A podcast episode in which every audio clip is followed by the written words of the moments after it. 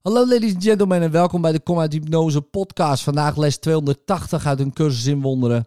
Welke beperkingen kan ik opleggen aan Gods Zoon? Wie door God zonder beperkingen geschapen is, is vrij. Ik kan voor hem wel gevangenschap verzinnen, maar alleen in illusies, niet in waarheid.